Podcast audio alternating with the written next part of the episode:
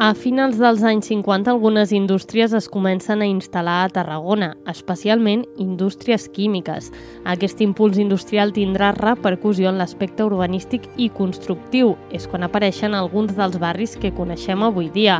La població va anar creixent. Yo soy de Valladolid, de Canalejas, Valladolid. Jo de Ciudad Real.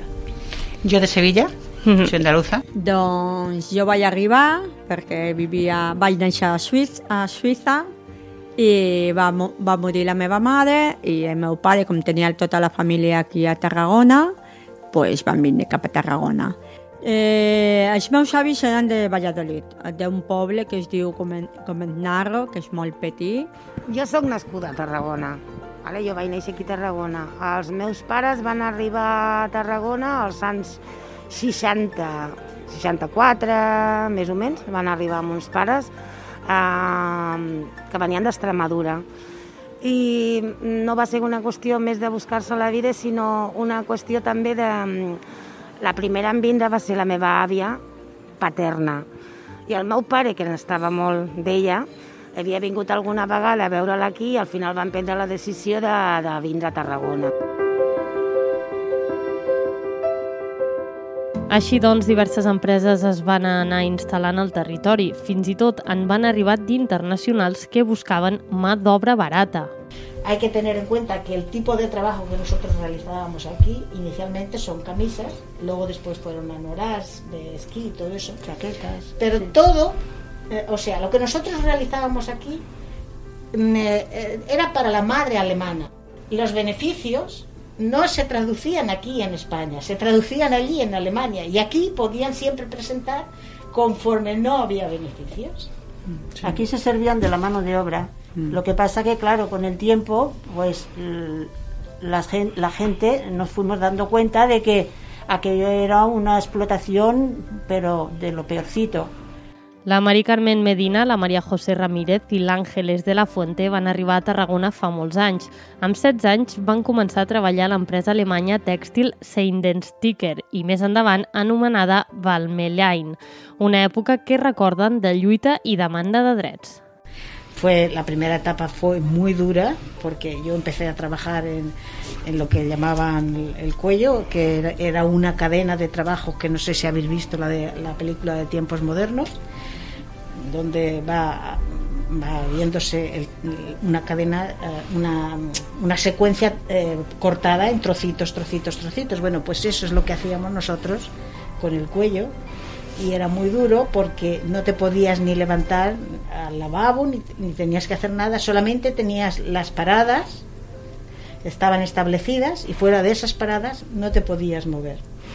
Si te atrasabas en la faena, te atrasabas tú y atrasabas a los compañeros que iban detrás de ti, con lo cual era un estrés muy grande y una situación muy, muy fuerte de, de trabajo y de, y de estrés y de angustia de no poder legarte. Recuerdo que al inicio tenía noches de insomnio, de no poder dormir, de ver montañas de, cuellos, o sea, como que me ahogaban los cuellos. Pues es lo que decía Ángel, yo estaba en una cadena, yo no, mi trabajo no era de cadena, pero claro, como tenías que hacerte al final del día, pues yo estaba doblando camisas, tenías que doblarte una cantidad de camisas, si no llegaba, pues entonces claro, muchas veces tenías que utilizar, pues empezar antes de hora, eh, no comerte el bocadillo con todo el tiempo que teníamos estipulado, porque claro, tenías que adelantar.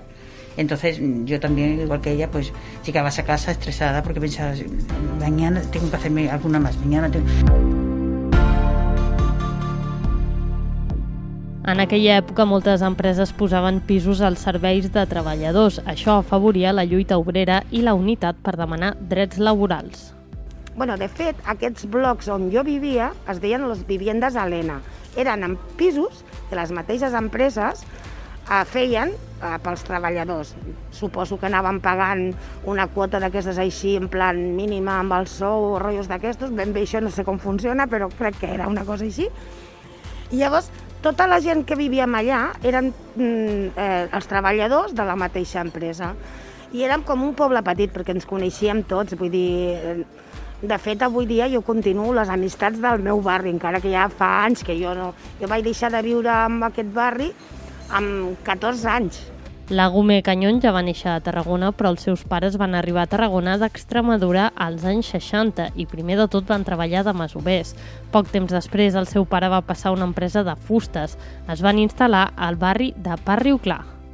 Estava format per pisos, per exemple, n'hi havia tres pisos que, perteneci, que, pertany, que pertanyien a lo que era la, el, la fenya de mon pare, que era Helena. Però n'hi havia dos blocs més que eren Ener, la gent que treballava per la Ener, que era l'elèctrica d'abans. Hi havia uns altres que eren d'Acesa, el mateix, dos o tres blocs que eren de gent que treballaven, vull dir, tot el, tot el barri estava format per blocs que pertanyien a empreses i era una manera també de, de tindre, bueno, estaven tots, eh, vivíem tots junts, eh, els treballadors de, de, de diverses empreses, van fer com un barri, i eren tot pues, 100% treballadors, o sigui, obreros total. Així doncs, a poc a poc es van crear uns barris que eren totalment obrers. Les persones que hi vivien reconeixien que eren com a petits pobles i la comunicació amb el centre de Tarragona els era molt llunyana. Els barris es, es van crear perquè van començar a tota la industrialització, totes les fàbriques de, d'alrededor, de la carretera de València, el polígon tant de la Pineda com el de Constantí i allí mateix a, a, a la vora de Torreforta i la Granja que hi havia diverses fàbriques que era molt obrer, era molt humil però bueno, i molt familiar i això té que s'ajuden uns a altres els nens jugant al carrer per nosaltres era molt, sí, molt apartat perquè a més Tarragona, a eh, altres llocs no sé, però dels barris a Tarragona sempre ha estat molt mal comunicat. Només hi havia la carretera de València sense voreres i, i feia por. La veritat és que feia por. Hi havia autobusos però no havia eh, les línies que hi ha ara, llavors costava de vindre i, i bueno, no el necessitaven, feia molta vida de barri. La família de la Patricia Lorenzo també va arribar a Tarragona buscant oportunitats. Recorda l'ambient familiar i de solidaritat als barris. El treball era una unió de lligam en totes les famílies. Horaris mm, de tot el dia, arribaven tard, també és veritat que eh, bueno, no, el cap de setmana eh, es tenia lliure, el dissabte i diumenge es tenia lliure, per el dia de cada dia els nens de fet, pràcticament tots anàvem sols als col·legis, anàvem caminant, jo per exemple des d'Icomà al meu col·legi que estava a la granja era mitja hora i jo anava i tornava quatre vegades al dia. Però anaven tots, eren tots els nens que anaven d'un barri a un altre, anaven al col·legi i tornaven perquè els pares estaven treballant. I llavors cap de setmana no, però entre setmana sí era un barri obrer total. Aquesta solidaritat i el companyerisme també es traslladava als llocs de treball.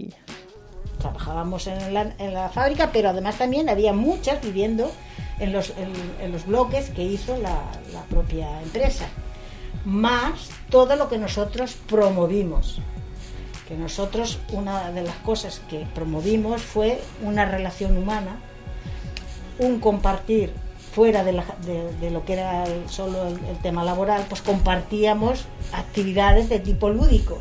Hay que tener en cuenta que la mayoría estábamos, éramos de fuera, también necesitábamos una integración aquí en, en Tarragona y entonces todo eso facilitó el contacto humano que luego posibilita poder darse la lucha. Digamos que estaba a luchar creando un ambiente de solidaridad y esto fue eh, yo por lo que tengo oído que yo entonces todavía no estaba en la empresa yo empecé en el año 60, 1968 en el 65 la empresa quiso cambiar el horario de trabajo o sea había jornada in, intensiva y entonces quiso partir y hacer turnos y a raíz de ahí fue digamos las primeras movilizaciones que hubo porque la empresa, por lo que yo tengo entendido, despidió a una, a una compañera, entonces el resto, en solidaridad de ella, se estuvo haciendo mm, media hora cada día de paro. Uh. Lo que eso hizo replantearse a la empresa lo que había propuesto, ¿no? Y a raíz de ahí, quizás empezó, o sea, la empresa retrocedió, o sea, ni um, re readmitió a la compañera y dejó el horario que había. Entonces, a raíz de ahí, creo que después ya empezaron a surgir, pues cualquier problema que había se resolvía haciéndolo, o sea, compartiéndolo con el resto.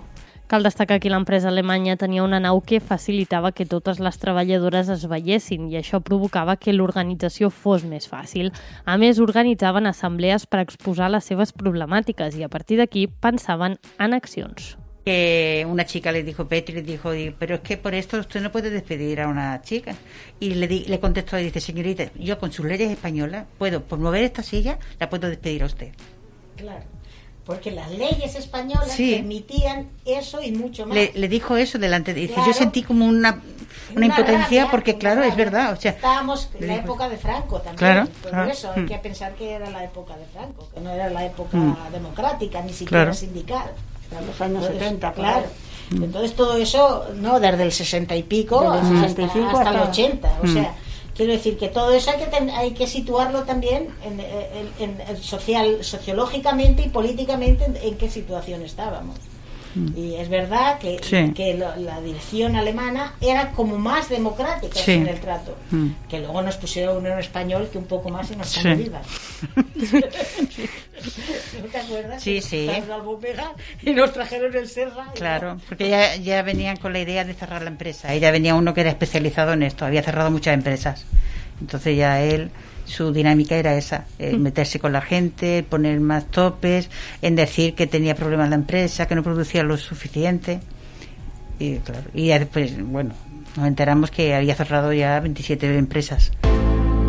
Per evitar canvis de jornada laboral o acomiadaments van realitzar diferents vagues. En van fer una de 40 dies i una altra de 54. Reconeixen que els homes en tot això les van ajudar i la seva lluita es va fer patent fins que finalment no van poder evitar el tancament de l'empresa. Però què en queda de tot allò que es vivia als anys 60 i 70 a Tarragona? Que no és com abans, evidentment. Abans ens coneixíem tots. Vull dir, ens coneixíem tots perquè érem els que, el que t'hi dic, eh, vivien en, en un barri, tots els de la mateixa empresa, aquests tenien quatre fills, l'altre... Ens coneixíem tots. Ara no ens coneixem tots, però no ens coneixem tots tampoc, perquè és que també s'han canviat moltíssim les maneres de ser com que som. Anem una mica cadascú la nostra, És cert que la immigració ha continuat, però ara arriben persones d'arreu del món que moltes vegades també busquen oportunitats.